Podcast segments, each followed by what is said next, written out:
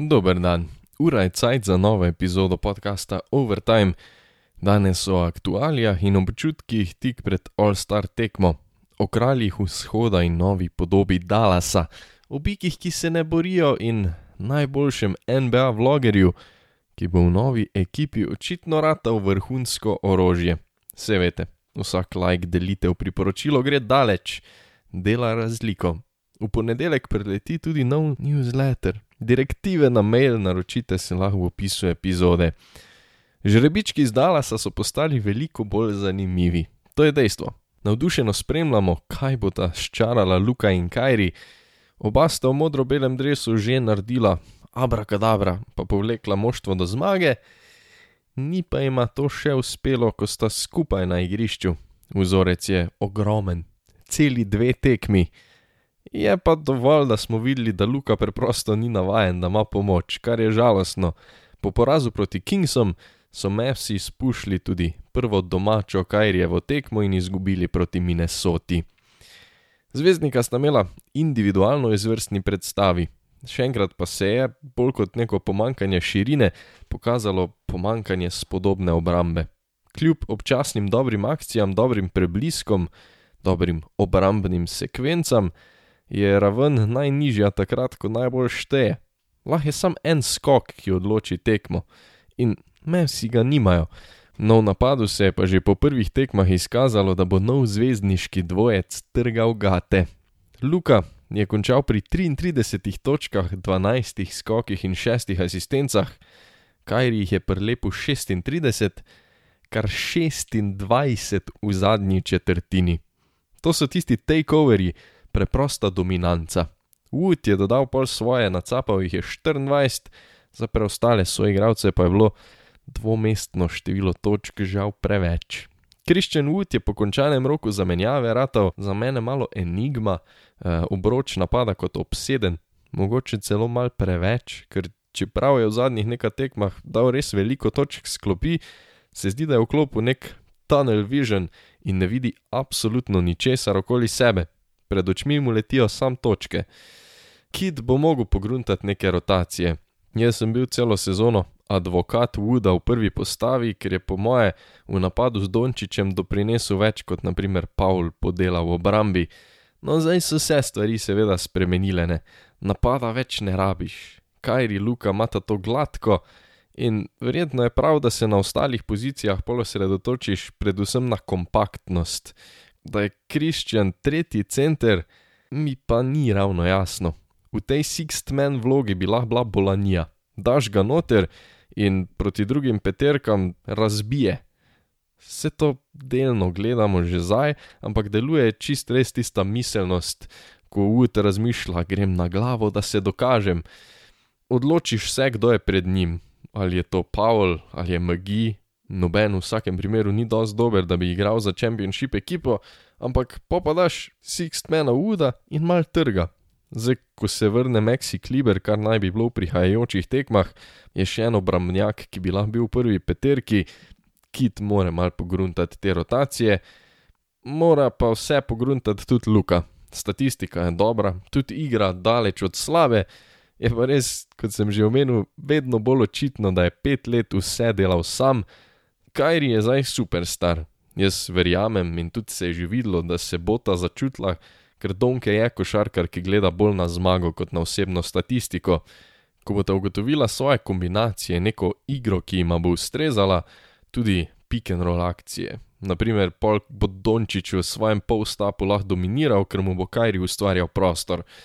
Možnosti je ogromno, oba sta dosti dobra, da jaz mislim, da bo ta to relativno hitro pogruntala, ampak če Kajri večino svoje kariere igra z zvezdniki, je to za Luko prvič, tu zdaj itak ne bomo šteli Drka Novickega, ki je all time great, ampak Luka je z njim igral v njegovi zadnji sezoni. Um, tudi to neko poznavanje, razumevanje zvezdnikov bo ključno, ker individualna kvaliteta, čeprav je mata veliko, se vedno ne sešteva. Tudi tisti vroči krompir na koncu tekme, hot potato, kot radi rečejo američani, je bil skoraj komičen, torej ob samem zaključku podaje med Luko in Kajrijem nekaj sekund pred koncem tekme v zadnjem napadu, ko so Mavericks izgubljali za tri, no na koncu je Irving izgubil žogo, pa to niso bili tisti neki kvalitetni pesi, kvalitetne podaje. Dobesedno na trici sta dva metra na razen stala in si podajala žogo. Nekaj sem videl tudi na spletu narativ, da kao noben ni hotel vršt. Jaz to mislim, da definitivno ni bilo tako. Uh, tu je bilo prvič, seveda, iskanje kvalitetnega meta, drugič pa mislim, da predvsem želja, da najdeta in pripravita med drugemu, tisto neko zaupanje, ker proti Kingsom je Luka vrgel sam, ko bi mogel iskati Kajrija, pol na koncu mu je bilo žal. Jaz mislim, sem, da sta oba hotla pokazati, da zaupata drug drugemu, izšlo se ni, zgledlo je smešno, moramo pa jim dati par tednov, vsaj ene pet tekem skupaj, da najdete sredino, v kateri lahko dvojec deluje. Zdaj sem imel pa je tudi workout, Lamarcus Aldrich, prišel bi jim prav, to je tisto visoko telo, center, ki jim manjka, koliko še ima v tanku, je vprašanje. Tudi zdravstveno stanje je malo skrb, naj spomnim, da je zaradi nepravilnega bitja srca že končal kariero, se potem vrnil, ko so doktori požegnali, da se lahko. Tudi Lamarcus je večkratni All-Star, včasih je bil zvezdnik, seveda daleč od svojih najboljših let, lahko pa nekaj doda. In bomo videli, če doda dovolj, da ga Mavsi priključijo tej ekipi. Puhnili so torej proti Minnesoti, tam pa lahko omenim še frišnega All-Starja, uskočil bo kot menjava. End torej 32 točk, predvsem je pa treba izpostaviti res nebogljenost Dallasa v raketi, celo Gober je imel 21 točk, igral je dobro. Um, tu se pa tudi tako moramo reči, pozna IQ Majka Conleya, menjali so zanj uh, in končno imajo PES first organizatorja, torej bo znal bolj povezati to moštvo, tudi vključiti Goberja v končni fazi, mu pripraviti neke L-jup priložnosti. In Minnesota se malo sestavlja. Zdaj pa na največje fante. Zdi se, da so najboljša moštva v ligi že nekako izrisana, po mojem skromnem mnenju pa številka ena in dve, kakorkoli hočete obrniti, pripadata Bostonu in Milwaukeeju. Preprosto imajo preveč in globine in star powerja. Razvija se tako pravo vzhodno rivalstvo, v noči na sredo pa smo videli tudi enega od letošnjih srečanj. Pričakovali smo veliko, dobili smo tak zanimivo, tesno tekmo ampak daleč od tega, kar smo pričakovali, ko smo na urniku videli Boston in Milwaukee. Takoj se je vedlo, da na tekmi ne bota nastopila Jalen Brown in Marcus Smart, oba sta poškodovana, vsem pa so bili mravljinci. Ne? Boston je tudi brez njiju igral res dobro, na domačem igrišču so v tem obdobju premagali Grizzly in Filadelfijo, dve res kvalitetni moštvi. Premagali so jo kljub temu, da je Jason Tatum na teh srečanjih metal 8-31 praktično torej brez svojega najboljšega zvezdnika. Po pa se zbudim jaz sred noči, ne, da vidim, da tudi Tatuma ne bo, tekma je posledično izgubila nekaj svojega čara, ne bo ta se udarili dve sili. Je pa srečanje, po mojem mnenju, vseeno pokazalo zelo, zelo veliko. Milwaukee je zmagal šele po podaljških 131-125. Ker ni bilo zvezdnikov, se je mogoče še bolj pokazala ta versatilnost vrste Keltov prijemi, ki jih lahko uporabijo, predvsem za ustavljanje Janisa. Bolj se je videl možen matchup v playoffu, če predvidevamo in upamo, ne, da se bo ta moštvi lige udarili v finalu vzhodne konference, finalu pred finalom. Izrisali so se posamezniki, katerih telesa so sposobna fizično vsaj parirati Janisu. Kakorkoli obrnemo, je dejstvo, da bolj kot izjemen obrambnjak, moraš za branjenje antitakumpa vzdržati silo tovornega vlaka. Izredno malo ljudi v ligi je tega sposobnih, imajo pa Celtics in nekaj majstrov, ki so sposobni mal zatrest vlak v svojih tirnicah. Predvsem Blake Griffin, Grant Williams in pa Robert Williams, potem pa lahko pomagajo zdaj še Luke Cornet, Mike Muscala, zdaj sicer odsoten, ampak tudi Al Horford. Dobesedno paleta košarkarjev, in Boston ima vse predispozicije, da upočasni Janisa do točke, ko ga skupinsko izmučijo in svojo ekipo pripeljejo do zmage. S tem, ko lahko zdržijo njegove nalete, pa lahko ima Grg hitro težave tudi s čaržji, torej osebnimi napakami v napadu. Je pa pa na drugi strani tudi vprašanje, koliko takih naletov posameznik lahko zdrži, Ravno zato je pa ta širina tako pomembna, ker se fizično breme porazdeli. Glede na to, da jim je uspelo zmagati šele po podaljških, bi mogoče lahko rekli, da more Bakse skrbeti. Po eni strani definitivno ne, po drugi strani pa so tukaj veliko bolj do izraza prišli ti roleplayerji Bostona, ker je igra izgledala zelo drugače. Čeprav lahko Celtic se nasplošno pohvalimo z ekipno igro, je tu žoga nepopisno bolj krožila. Nepopisno bolj krožila, kot če imaš v igri napadalni orožji Tatuma in Browna, kar je logično. Deset od trinajstih košev v prvi četrtini je bilo asistiranih. Šest košarkarjev Bostona je bilo na tekmi dvomestnih, dva od teh šestih sta šla preko 25 točk. Derek White je 27 dodal še 12 asistenc, uh, torej le nekaj minut v drugi polčas je imel White že 10 asistenc brez izgubljene žoge. Res ekipna igra na najvišjem nivoju. In prvi polcajt je pripadal Keltom. Mogoče ne toliko po rezultatu, kot dejansko po sami igri. Manj kot 4 minute do polcajta so imeli le dve izgubljeni žogi. Milwaukee jih je imel 8. To je vodilo do 16 točk Bostona in 2 točk Milwaukeeja. Tu se dela razlika, ne? Strdno, ekipno igro na obeh straneh igrišča. Te pa brez zvezdniška globina lahko pripelje seveda sam do neke točke. In Boston je bil na nizu pik, skušali so se odlepiti, pol je na sceno stopil Janis in v kratkem zaporedju akcij brez večjih naporov izničil trdno priigranih nekaj točk prednosti Keltov. Najprej je Greek Freak asistiral za trojko, nato je sam dosegel koš, v naslednji obrambni akciji je z odlično obrambo priigral žogo svoje ekipi in pol prispeval še eno asistenco za trojko, v naslednjem napadu pa je silu še dva prosta meta. Torej, v kratkem cajtu približno 10 točk razlike v nekaj napadih. To je področje, ne, kjer nastopijo zvezdniki. Nekje pred začetkom zadnje četrtine se je Lik Pes odločil, da ne bo več delal, tako da sem takrat nehal gledati, je pa kot rečeno Boston zgubil po podaljških. In če so se Celticsi zanašali na čisto ekipno igro, kot rečeno, šest dvomestnih basketašev, sta Milwaukee do zmage pripeljala zvezdnika. Drew Holiday s kar 40 točkami, Janis jih je prispeval 36, 13 skokov in 9 asistenc. Premalo se o njem govori kot o legit MVP kandidatu. Um, je imel za Milwaukee Brook Lopez zelo slabo tekmo, v napadu ga ni bilo nikjer, tudi na svojem delu igrišča pa je malenkost plaval.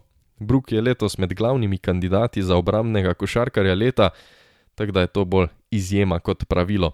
Strah in trepet pod obročem Milwaukeeja z 2,5 blokade na tekmo.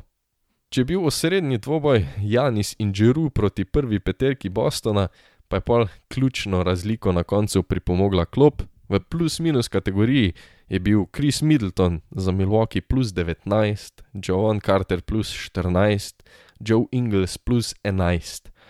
Celotna klop Celticsa je imela v tej kategoriji minus. In ko se je tekma prevesla v podaljške, je Star Power preprosto prevladal, zvezdnika Bucksov sta pospravila tekmo, njuna ekipa je Boston nadigrala 15-9, sama pa sta prispevala 13 od teh 15 točk. In tako je Milwaukee dosegel še 11. zaporedno zmago, ostaja najbolj vroča ekipa v ligi, Boston pa je nedvomno od te tekme odšel, bom rekel, s feel good faktorjem, ker so brez svojih najboljših košarkarjev, brez najbolj plodnega strelskega dua v ligi, skoraj premagali glavne rivale vzhoda. Dokazali so, da imajo neverjetno širok kader, kar omogoča zelo visok flor, to bo ključno za odpornost, če kdo od najboljših na kaki pomembni tekmi manjka. Tatum in Brown neverjetno dvigneta ceiling. Tudi ko kjer ga od njiju ali pa celo obeh ni na igrišču, pa so soigravci sposobni podelati dovolj, da je Boston daleč od nebogljenega. Kelti so tak verjetno ekipa z najdaljšo klopjo v ligi. Ti moštvi sta se v končnici srečali trikrat v zadnjih petih letih, tudi lani, se verjetno spomnite sedmih tekem v polfinalu konference, Boston je prevladal, Janis je filmsko pol po koncu na klopi obsedel brez izrazno, to je nekako krklicalo po comeback storju. Čakamo torej četrto serijo teh moštev v približno takšni obliki, Uh, Kelti so zelo uravnotežena ekipa z najboljšim razmerjem zmag in porazov v ligi, sledi pa jim seveda Milwaukee, je le pol tekme zadaj. Boston torej ima tekmo več, 41 zmag, 17 porazov, Milwaukee 40 zmag, prav tako 17 porazov. Za Celtic se pred začetkom nismo bili prepričani, kako bo, ime v doka scene, glavni trener. Še vedno je zdaj začasni glavni trener Joe Mazula, ki se je izkazal za izvrstno menjavo, ima le 34 let, kar pomeni, da je mlajši od velikih, velikih posameznikov, ki še igrajo basket v ligi. Eh, Mazula tudi zelo hvali svojo slačilnico, da se res pozna, da so prava, povezana ekipa, da se zelo dobro izogibajo kakršni koli drami. In vse, kar smo do zdaj videli, je dejansko recept za uspeh. Verjamem, da bo letos za Boston vse druga, kot vsaj finale lige razočaranje. Na drugi strani imajo pa Baxi Janisa, ki spet, kot rečeno, čisto leti pod radarjem, kar se MVP-ja tiče. Letos več kot 32 točk na tekmo, več kot 12 skokov, več kot 5 asistenc. To niso realne številke. Drew Holiday je po desetih letih spet izbran v All-Star ekipo, končno pa je zdrav tudi Chris Middleton. Zaenkrat še nima sicer polne minutaže, vstopa tudi sklopi, ampak prav je, da ga pazijo, ker letos nimajo največje sreče s poškodbami, Middleton je torej veliko manjkal na začetku zaradi zapestja kolena, tudi Joe Ingles je v sezono stopil poškodovan, zdaj že deset tekem ni igral Bobby Portis, izjemno pomemben roleplayer, ki se najverjetneje po All-Star breaku vrača na parkete, v prestopnem roku pa so dobili še Jaya Crowderja. To bo tudi izjemno, sploh na obramnem delu igrišča, tudi ko pridemo do dvoboja s Kelti. Ker, če predvidevamo, da bojo Bucks Janisa znova igrali kot help defenderja, torej rotacijskega košarkarja, ki primarnim obrambnim košarkarjem pomaga ustavljati nasprotnika in hitro rotira podvaja, ko je to potrebno, no pa bo Jay Crowder najverjetneje zadolžen za najboljšega winga. V tem primeru seveda ciljam na Jasona Tatuma. Koma čakamo torej naslednje srečanje teh ekip, upamo, da v polni zasedbi 30. marca bo to, oziroma v zgodnjih urah 31. pri nas, dvoboj zame najboljših moštev v ligi preview pred končnico. Malenkost, če ostajamo v vzhodni konferenci, pri čikaških bikih, trenutno verjetno najbolj meh moštvo v lige. Za cajt snemanja so na 4 game, losing streaku, imajo 26 zmag, 31 porazov. Ah, Demar Drozen se bo jaz spopada tudi s tako dosadno poškodbo Kovka, to ga ne hendikepira, da ne bi mogel igrati, je pa raven njegovih predstav vidno upadla. Na zadnjih devetih tekmah ni bil najboljši strelec svoje ekipe, eh, njegovo februarsko povprečje je le 18 točk, januarja jih je imel 26,5. To je še ena dodatna skrb bulsov kot da jih nimajo že dovolj. Se pa na srečo nekoliko prebuja Zeklevin, vsaj strelsko, če že celostno predstave niso na nivoju lanske sezone. Po novem letu dosega okoli 26 točk na tekmo, kar je izvrstno, eh, nima pa ne Zek, ne celotna ekipa, no be ne obrambe. So na točki, ko jim do nekega napredka verjetno ne pomagajo niti kaki buyouti, torej da zdaj podpišejo košarkarje, ki se znajdejo na trgu. In dejansko so na točki, ko navijam za nje, pa ne bi imel čisto nič proti, če podpišejo rasa. Tisti, ki poslušate podcast, veste, kako mnenje imamo v Westbrooku. Upside ga probaš podpisati do konca sezone, pa mogoče lahko kaj uspe, ker nedvomno raviš organizatorja in tu bi lahko imel Russell več žoge v svojih rokah. Žalost, nje Chicago, lahko bi razbili, lahko bi šli naprej od začetka, lahko bi probali karkoli preoblikovati, pa dobiti nekaj obrambe in se potruditi za končnico. No, odločili so se ostati isti in isti enači v srednje žalostno povprečnost. Na zahodu je Matis Tajbul odigral prvo tekmo za Portland in zgleda kot nov košarkar. Do točke, da sem takoj rata v salti, da ga ni podpisalo katero od meni ljubših moštev.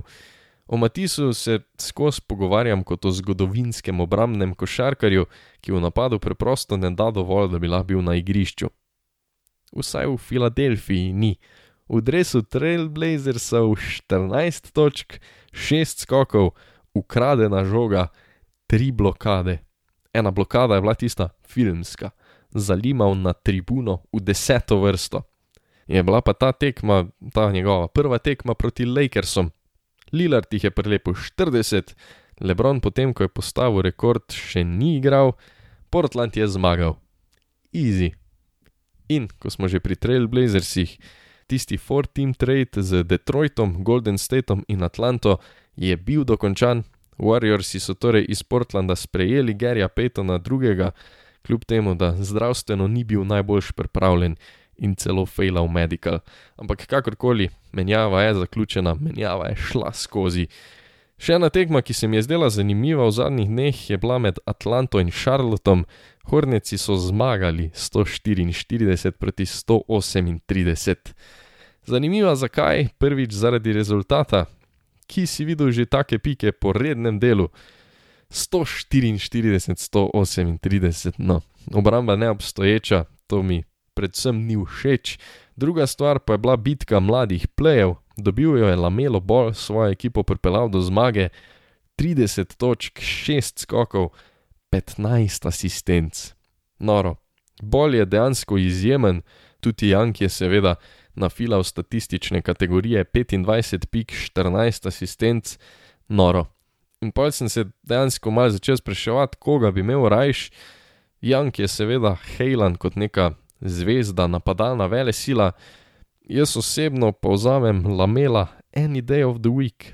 Res ti jih verjetno da nekaj manj na tekmo, torej manj točk na tekmo, je pa boljši skakalec, boljši playmaker, predvsem pa je dosti visok, da dela tudi v obrambi, vsaj drži lahko svoje, medtem ko smo zdaj že parkrat videli, da Janga v obrambi preprosto ne moreš skriti. Prihajamo do zaključka epizode in čas je še za en speed round. Buyouta nas sta še Dwayne Dedman, ki gre v 76ers, in pa Danny Green, večkratni prvak se je odločil podpisati za Cleveland. Zion Williamson je poslabšal poškodbo stegenske mišice, odsotnost je pol podaljšal še za nekaj tednov, še za nekaj tednov po All-Star tekmi in s tem predvsem podpihuje skrbi, podpihuje paranojo okoli sposobnosti, da ostane zdrav tekom sezone, kar je seveda potrebno, če želijo osvajati prvenstva. Zion je tak en od kar treh All-Star starterjev, ki ne bojo igrali na tekmi zvest, poleg Ziona sta out še Steph Curry, Kevin Durant. Zion na tekmi zvest ga bo menjal Anthony Edwards, Curryja bo menjal De'Aaron Fox, Duranta pa Pascal Siakam. In posledično je prišlo tudi do novih začetnih peterk, Janis in Lebron ostajata kapetana, med branilci bojo začeli Dončić, Irving, Mitchell in pa Džamorent, med višjimi košarkarji pa Jokič, Tatum, Embiid je zdaj dobil tisto zasluženo mesto, no, zadnji forward pa je Lauri Markanen. In to nam je všeč. Tak, to je to za danes, aktualne zgodbe lige NBA.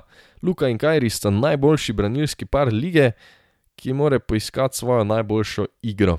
In čeprav sem štajerc danes največ o zelenem dvoboju Supermana, Jani Sante Takumpa in pa Batmana, Granta Williamsa, če razumete referenco. Nedvomno pa je to dvoboj velikih ekip, tako imensko kot po statusu, in ker zvezde najbolj sijajo v končnici, upamo in čakamo, da se bosta vele sili konference Atlantika pomerili na zaključnem turnirju. Finale pred finalom. Hvala, ker poslušate Overtime. V opisu imate link do e-mail liste NBA kolumne, upišete svojo e-pošto in moj članek dobite direktive na mail, zelo preprosto. Ta ponedeljek pride. Lahko pa tudi pofollowate na Twitterju, na Instagramu, tam sem Lukas Karlovnik, do vsega pa imate res linke v opisu. Eh, cenim vašo podporo, ogromno mi pomeni. Vesel sem, če Overtime komu priporočite, če se naročite, če ga delite. Res, hvala. Podite čudovito.